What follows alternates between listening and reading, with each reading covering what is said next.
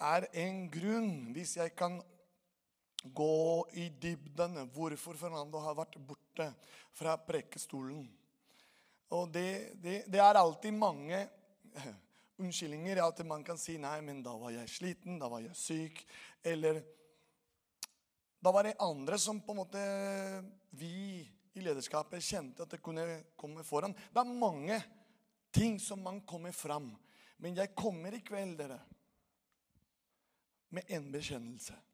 Eller ja, flere. Men, men det er hovedgrunnen kommer i kveld. Og det er noe som skjedde ikke forrige uke, men det er over tid. Som Gud har jobba med meg. Som han har gjort med mange av dere. Som har gått gjennom på et smell, eller har møtt veggen. Jeg skal prøve å ikke grine. Men jeg garanterer ikke at eh, ja, dere vet om. Så både Trude og Sissel hvis dere kan bare skaffe sånn en glass av vann, det kunne jeg være veldig takknemlig. Eh, som sagt, det å møte veggen, det er ikke bare bare. Det er noe som Når jeg gikk inn i den eh, dalen, hvis man kan si det sånn Det begynte gradvis. Det begynte som ingenting. Jeg merka det egentlig. Jeg egentlig Nå skal jeg være helt åpen, åpne mitt hjerte og mitt liv til dere. For jeg tror menigheten i dag trenger det. At det både medarbeidere eller ledere er ærlig, transparent og legger det fram. Fordi dere er vårt familie. Dere er familie. Er dere med? Så hold dere fast. For det kan komme mye. Sensitiv eller emosjonelt. Men Gud har skapt deg og meg med det. Og hvordan vi kan hjelpe hverandre når emosjoner, impulser eller følelser kommer fram. Hvordan vi kan balansere det og ikke gå ut av det og, og bli litt mer sånn menneske, litt mer sånn kjødelig. At vi er veiledet eller påvirka av våre følelser hele tiden. Det kan være farlig. Derfor vil jeg det. Tusen takk, Trude. Så Jeg har både gledet meg og gruer meg på dette her. For jeg vet ikke hvordan man skulle starte dette her. Men når jeg var inne i det Jeg har delt dette med lederskapet. Og jeg har fått full støtte fra dem hele veien. Jeg har delt dette med noen ledere fra menigheten som er nært. Jeg har delt dette med noen mine mentorer. Og det kom mange, mange forskjellige vinkling og hvordan Gud taler. Og all dette samla jeg som en, en arkiv og ba over dette her. Hvordan skal jeg samle all dette her? Og for å ta en liten illustrasjon en må, eh, som Ca. to-tre uker siden fikk vi oppleve som familie en kjedelig ting i hjemmet. Og det er at vi merker at det var vann på kjøkkenet. Og det var David som oppfatta det. David sa til mamma, 'Hva skjer det her? Hvorfor er det så mye vann på kjøkkenet?' På, på gulvet. Og Andreina selvfølgelig, når hun ser det 'Oi, hvor kommer det fra?' Og så begynner prosessen. Lekkasje. Hvorfor forteller jeg dere det. Lekkasje. Hvordan man finner lekkasje? Er det sånn at lekkasje kommer plutselig? Eller vet du når lekkasje kommer? Det kommer plutselig. Er dere med? I den åndelige verden, i ditt liv og mitt liv, kan finnes lekkasje som kanskje du merker ikke som jeg oppfatta det i mitt liv. Det ble en lekkasje hvor vi måtte ringe forsikring med en gang. Da kom snekker og råleger på plass, elektriker, masse greier for å finne hvor hadde dette begynt? Hvor kom det fra? Og selvfølgelig, de må rive veggen. Altså det, dere som har gått gjennom det, dere vet prosessen. Og det er tung og kjedelig. For da må du strukturere alt. Når jeg husker det, når jeg midt i dalen Midt at det er en Hvis jeg kan kalle depresjon, åndelig depresjon Alt var mørk. Det var ikke noe retning i mitt liv. Ja, du, Fernando, liksom, som er pastor. Du som på en måte står på prekenstolen hele tiden og smiler og roper halleluja. Ja, det er meg. Så snakker jeg nå åpent til dere. Jeg befinner meg plutselig hjemme på stua og gråter. For jeg ser ikke noen retning i mitt liv. Jeg møter veggen i forhold til altså, Målet mitt er helt blank. Av mange grunner, menigheten Betania. Ja, det er kanskje resultatsmessig jeg kan komme med. Å, Gud, nå har jeg vært her ni år, på veien til ti. Men det er ikke fullt menighet. Og så basert på resultaten, kvantitet da, så begynner å påvirke mine tanker og mine følelser. Og begynner jeg å bli frustrert. Og så begynner jeg å tenke er jeg det rette personen for menigheten. Har du følt deg noen gang sånn? Gud, virkelig hører du meg? Har du virkelig valgt meg? Altså, til og med kommer den tanken altså, Vet jeg hva det betyr å, å være frelst? Har du gjort det for meg, liksom, Jesus? Har du kommet til den viss punkt at du har ikke lyst til å be, du har ikke lyst til å lese Bibelen, du har ikke lyst til å, til å høre ingen. Du vil bare lege på sofa eller i senga. Hvis det er bare meg Nå vet dere det, da. Men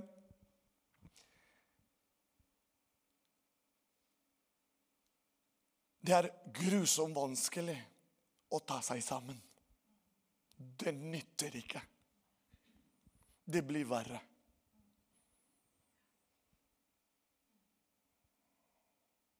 Jeg sjøl har opplevd det, og derfor bestemte jeg meg til å søke altså, Gud og undersøke Gud, hvem i ditt ord kan du vise meg disse personer som er i ditt ord, i Bibelen, som har opplevd, som har levd, og møter veggen. Og du verden, og så kommer David. Kommer Elias. Kommer Jobb. Kommer Jeremias. Kommer alle disse. Kommer Paulus til og med. Men dere når jeg går i Skriften med tårene Nei, jeg kan ikke si det sånn. Det blir, det blir for mye. Det bombarderes av tankene hele tida. Fram til du bestemmer deg og senker skuldrer og sier, 'Du er min frelser'.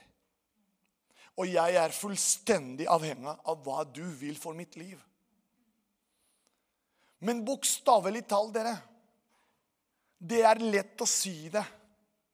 Men å anerkjenne det Og la egentlig Herre lede deg. Fram til det det blir utrolig vanskelig. Du går gang etter gang, gang etter gang. Og mange av dere har gjort det. Og kommer en punkt og ringer en venn og ringer en en venn fra menigheten eller fra jobb. Du, jeg trenger å prate med noen.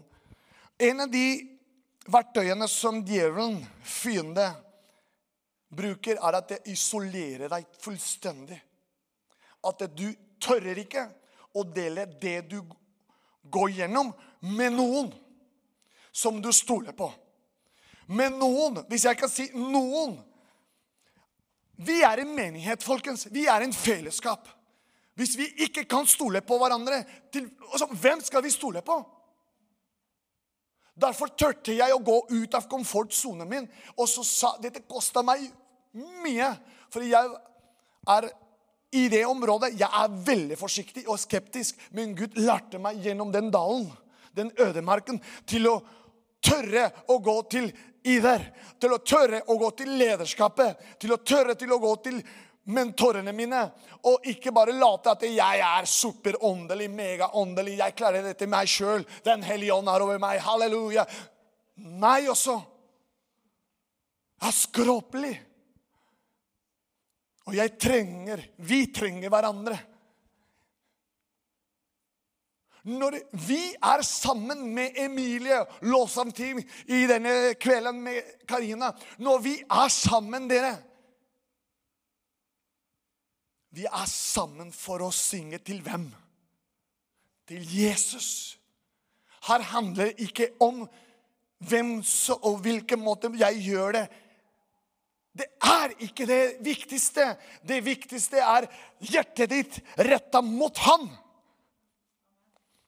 Og da trenger ikke Emilie, da trenger ikke jeg, da trenger ingen til å mase. Skal dere reise dere opp eller ikke? Veldig forsiktig. Sånn. Nei, dere. Det blir en impuls fra vårt indre som nå skal vi til ved Jesus. Nå gleder jeg meg til å se han eller henne sammen, for å prise han sammen med jubel, som det står her i Bibelen. Og det gjør noe med deg og med meg. Når jeg står der i starten av møtet og priser Gud med to små som knapt skjønner hva er det vi driver med. Men de gjør fordi de ser meg. De ser andre som klapper. De ser andre som priser Jesus. Da sier de i sitt indre 'Dette er noe godt. Det skal jeg være med.' Og begynner å klappe. Et barns hjerte. Ren. Derfor David kommer. 'Ransak meg, Herre.' David, dere.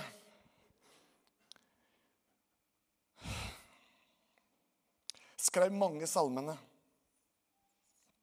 Blant annet, hvis jeg kan nevne noen av de, salmene 38. Fra vers, vers 5 til 10. Det står der følgende. For mine misgjerninger har vokst over mitt hode. Som en svær byrde er det altfor tunge for meg. Mine sår lukter og er betente på grunn av min uforstand. Jeg bøyes ned, ja, jeg er dypt nedbøyd. Hele dagen går jeg preget av sorg. David, dere. For mine høfter er fulle av brennende verk og det er ikke noe frisk i mitt kjøtt. Jeg er lammet og fullstendig knust. Jeg stønner i, i mitt hjertes oro. Vers 10. Herre, all min lengsel står framfor deg, og mitt sukk er ikke skjult for deg. Dette er Davids, folkens, bønn. Åpne hjerter som jeg tror virkelig Gud tillater dette. At David kunne skrive dette her. For at du og jeg, spesielt i min tilfelle, jeg kunne se at David sleit voldsomt. Men han overlater dette til ham. David, liksom. Konge. Elias hadde en konfrontasjon med profetene til Baal. Dere vet historie, dere som er vant til å lese Biblene deres. Og den historien i forhold til Elias det er spesielt. fordi han slår disse over 100 profetene. Og etter det oppstå en situasjon psykisk i han at det påvirka han fullstendig, at han ønsket å bli død.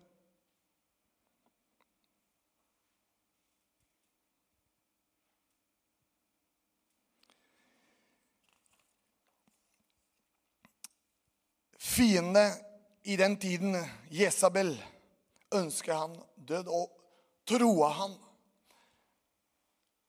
Det å bli troa Jeg skal ikke si at noen kommer bokstavelig talt og sier det til deg, men åndelig sett at du blir troet.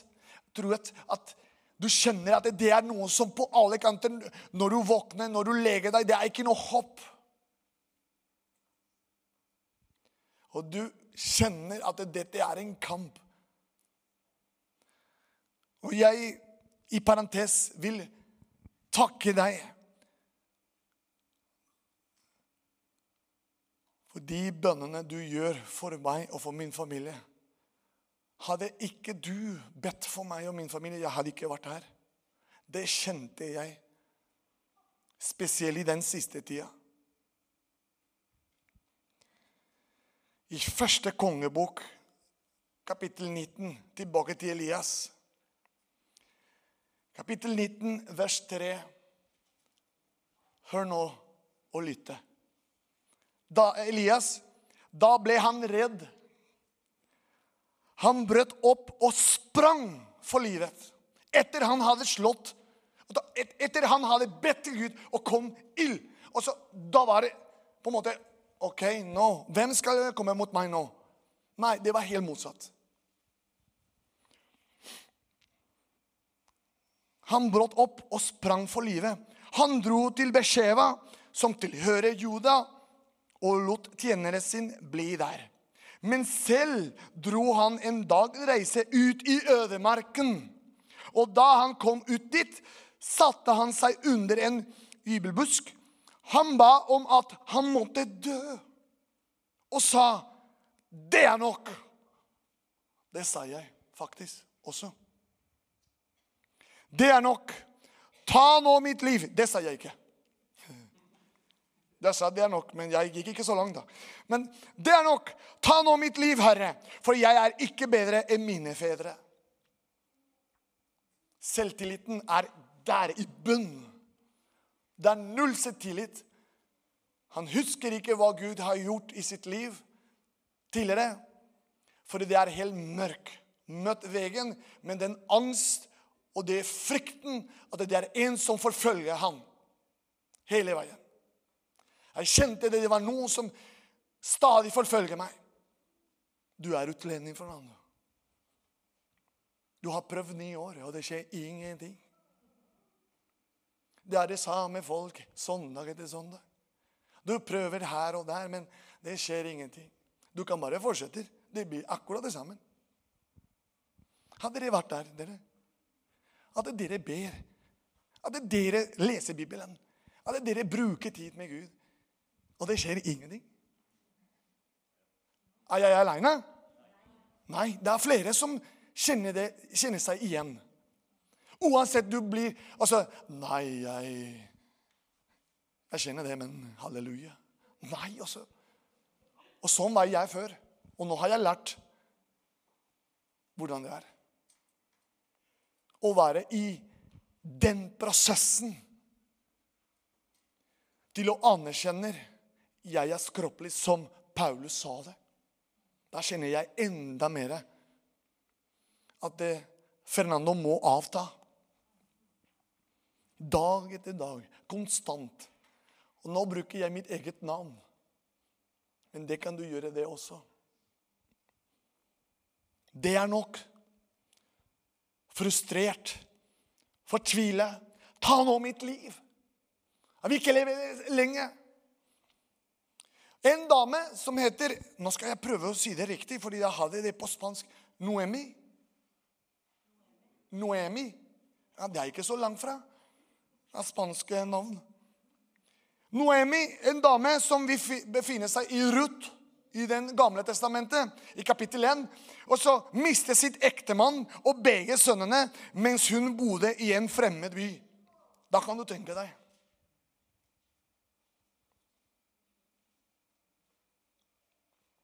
Det er en dame som er dyp i depresjon. Som ønsker ingenting.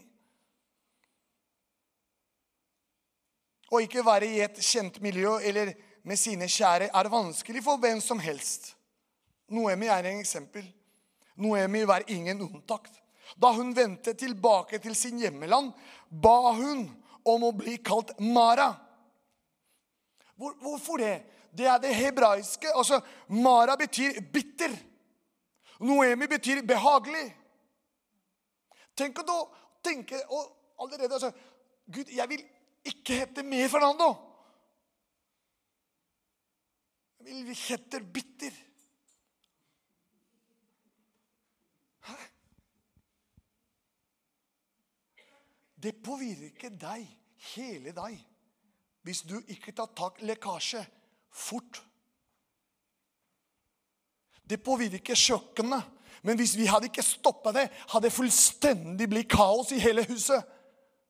Men vi reagerte fort med de verktøyene som vi har. Råleger, forsikring, snekker.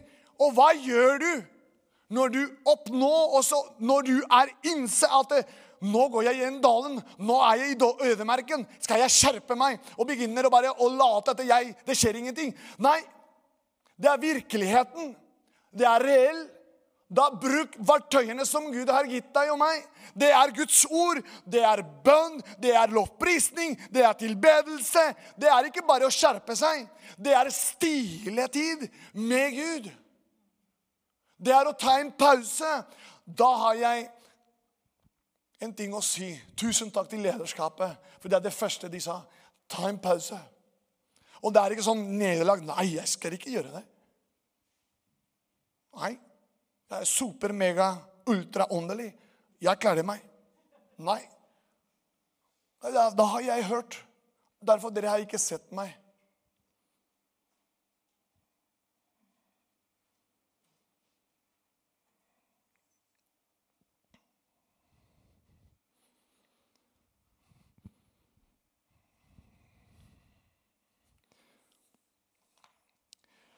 Jeremias. Jeremia på norsk. Jeremia, en mann, en profet, som dere vet har brukt av Gud, men samtidig gikk sine runder med Gud. Jobb. Miste absolutt alt. Og egentlig gikk i den fella, altså i den vanskeligheten til å forbanne. Altså, nei, jeg ønsker ikke lenger å leve. Og til og med kona var der for å dytte enda mer. Og takk og lov for min kone Andreine. Midt i den vanskeligheter, når jeg følte meg Hun kjente sin mann. Og hun kunne bare si, 'Skjerp deg'. Er du ikke Du er pastor. Kom igjen. Vi står sammen i dette. Men nei. Mens jeg snakket med en av mine mentorer, så sa Fernando av og til når vi ber Helligånd tale til oss, kommer kones stemme. Og det kan jeg love dere. I den tilfellet, da var det virkelig reell å høre Den hellige ånd. Og det var ikke noe som 'Nå skal du' Nei. Fernando, sinke skulder. Han har valgt deg. Han sa han skal være med deg. Og så hun brukt de verktøyene som Gud ga oss som familie, loftene fra Gud, og delte det med meg og minte meg hvem som har kalt meg, hvem som har skapt meg. Hvem er min pappa? Hun bare minte meg det. I salmene hvis vi går tilbake litt til David i Salmene 139 Dere, hvis vi kan gå der Hvis du har din bibel eller mobil, gå til Salme 139. Og eh, Salme 139, blant annet David begynner slikt. Herre, du har ransaket meg og kjenner meg. Hvor jeg enn sitter eller står, så vet du det. Langt borte fra kjenner du min tanke. Min sti og mitt leie blir gransket av deg. Du kjenner nøye alle mine veier. Ikke et ord er på min tunge. Se, Herre, uten at du skjønner det helt og fullt allerede. Bakfra og forfra omgir du meg. Du har lagt din hånd på meg. Du har lagt din hånd på meg. Gud har lagt sitt hånd på deg og på meg. Tenk litt på det. For i stad leste vi Salme 38. David skrev det òg. Og da var det elendighet som kom. Fordi han innså det. Realiteten. Han kastet ikke det bort. Han delte det til og med oss, med deg og med meg. Hvor kan jeg gå bort fra din ånd? Eller hvor kan jeg flytte fra ditt ansikt? Han ser deg, vet du. Han ser deg. Han ser deg når du gråter. Han ser deg når du er fortvilet. Han ser deg når du stiller spørsmål hvorfor, hvordan, når. Herre, han ser deg. Hvor kan vi gå bort fra Hans ånd? For han er til stede hele tiden. Det er vi som merker ikke, det er vi som forstår ikke. Men takk og lov at vi kan gå gjennom ødemarken for å forberede oss til den tida som kommer. Hvis du og jeg setter det veldig på spissen, hadde skjønt at Jesus måtte være til 33 år men suksess, hvis man kan se det på den måten, suksess i tjeneste Nei, altså, Jesus, 33 år, du kunne holde lenge. Enda lengre. Men det er ikke det det, det handler om. Det er Guds time, Guds tidsperspektiv. Når det er Guds timing for ditt liv. At du skal gå gjennom dalen, gjennom ødemarken. Og så Gud forbereder deg til det som allerede kommer Jeg aldri hadde hatt sjanse til å stå her og dele dette med dere hvis jeg hadde ikke gått på den perioden i mitt liv. Både psykiske, helsemessig Jeg ble syk med feber. Altså, det var helt ødelagt. Men jeg er så takknemlig til min Jesus at han sa, 'Jeg skal være med deg, Fernando'. Mist ikke motet for jeg er med deg. Alle dager jeg skal være med deg. Og så ta imot dette, menigheten. Ta imot dette her. Fordi vi går gjennom en tid Nå er slutten av 2023. Og bare Gud vet hva som kommer i 2024. Hvis kanskje vi rekker det. Fordi det er et timing, det er en klokke som titter i forhold til Israel. I forhold til det som foregår, foregår i Midtøsten. Derfor vi må forstå viktigheten av dette her fellesskapet vi får lov til å oppleve.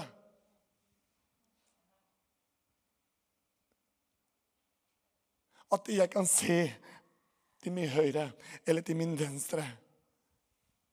Du, kan du be for meg? Jeg er helt ødelagt. Kan vi si det åpen blant oss? Hvis vi ikke kan gjøre det i dette stedet, hvordan vi skal nå de som er der ute Vi har ikke sjans, dere!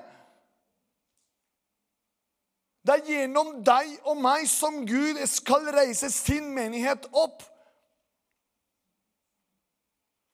Det er ikke med makt, det er ikke med kraft, men med, ved Hans ånd. Hvis vi går videre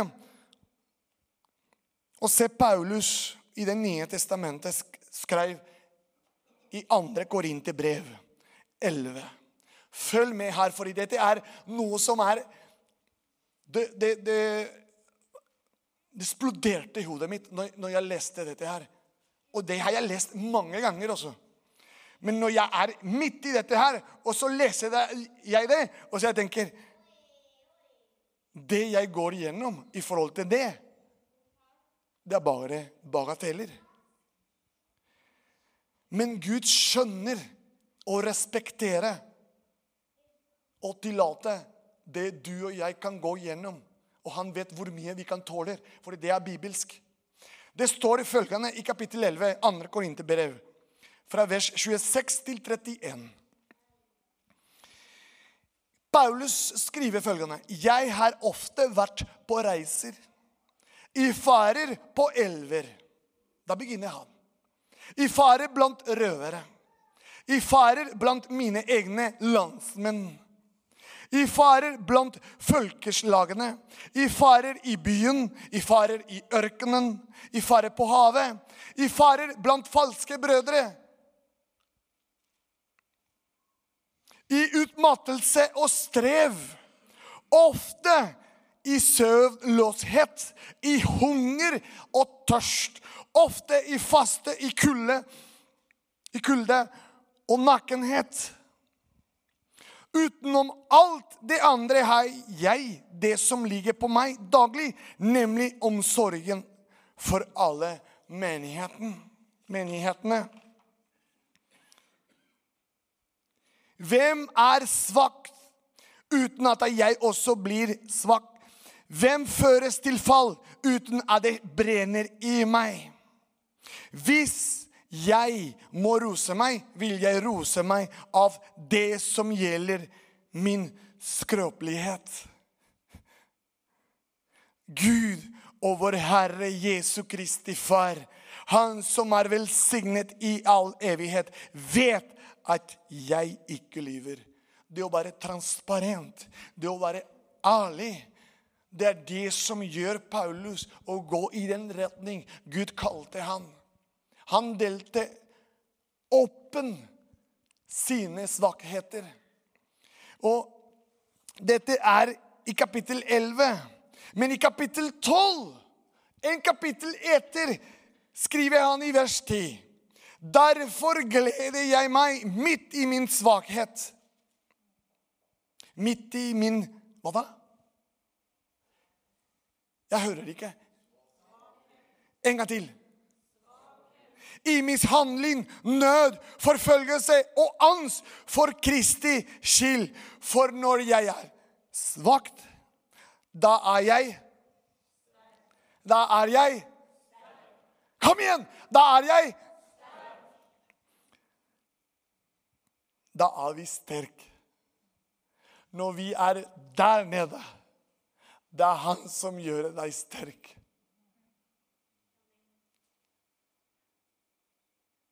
Derfor er jeg her med dere og åpner mitt hjerte. For dag, når jeg er svak, da er jeg sterk. Det er bare nåde av Han. Gulla, det er bare nåde.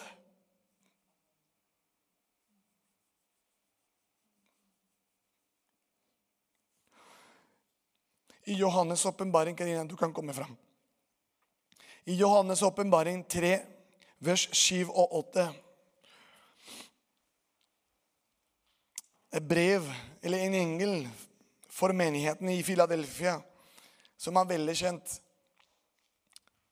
sier følgende Dette sier Den hellige ånd. Dette er i Bibelen Guds ord 2017. Jeg leser nå den versjonen.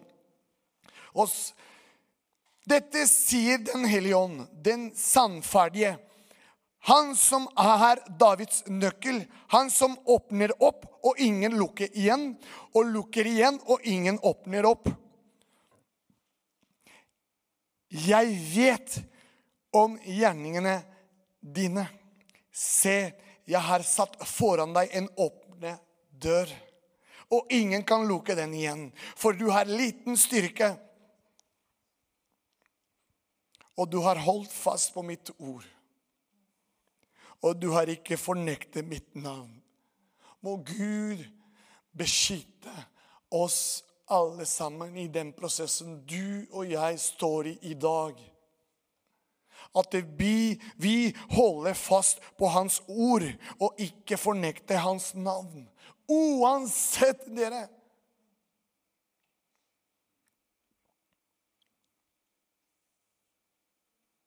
Det er perspektivet her. Den guddommelige perspektiv. Og ser og forstå at midt i svakhet, mishandling, nød, forfølgelse og angst for Kristi skyld Når du og jeg er svakt, da er vi sterke. Og nå skal vi prøve å gå inn i praksis for det er noe som Gud har talt i mitt hjerte og tror. Jeg kan dele det med dere nå. At nå er det slutt. At det bare blir én vei i forhold til forkynnelse. Det må være begge veier. Vi må ta imot og gå inn i praksis. Så når vi går ut gjennom de dørene, vi kan bli sånn Ja, Gud, nå er du med meg. Nå har jeg vært med mine søsken her på Betania. Nå, er, nå gjør du meg klar for denne uka som kommer. For du er med meg. Du er min hyrder. Jeg mangler ingenting. For du leder meg nærmere og nærmere til deg. Får jeg min kraft. For du, Hellige Ånd, leder meg.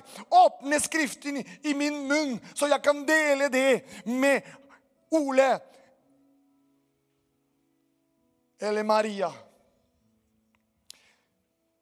Så nå dere har sittet lenge, kan dere reise dere opp.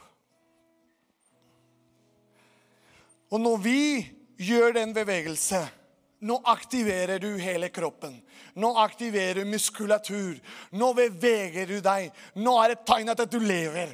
Nå er det et tegn at det, Ja, OK, nå er jeg Nå står jeg. Og det er en dimensjon som fra nå av Dette også vi har snakket i lederskapet. Fra nå av vi må aktivere oss. Vi må aktivere oss. Og det er ikke noe å skjerpe oss. Det er noe annet. Aktivere oss. La Den hellige ånd aktivere deg. Ikke skamme deg. Det, det sang vi i stad. Ikke skamme deg. Det er ikke noe å skamme seg for. Det er bare å glede seg. Evangelium er kraft til livet.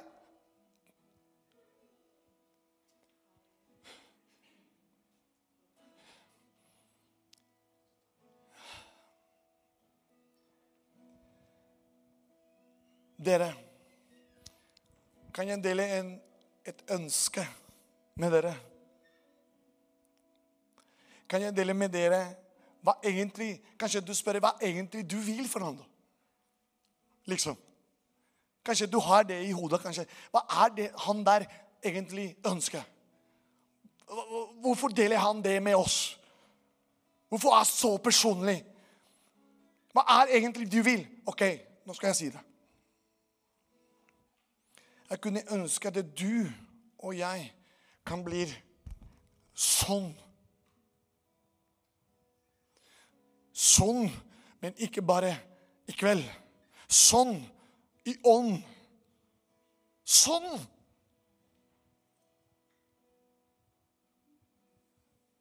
Da er det vanskelig.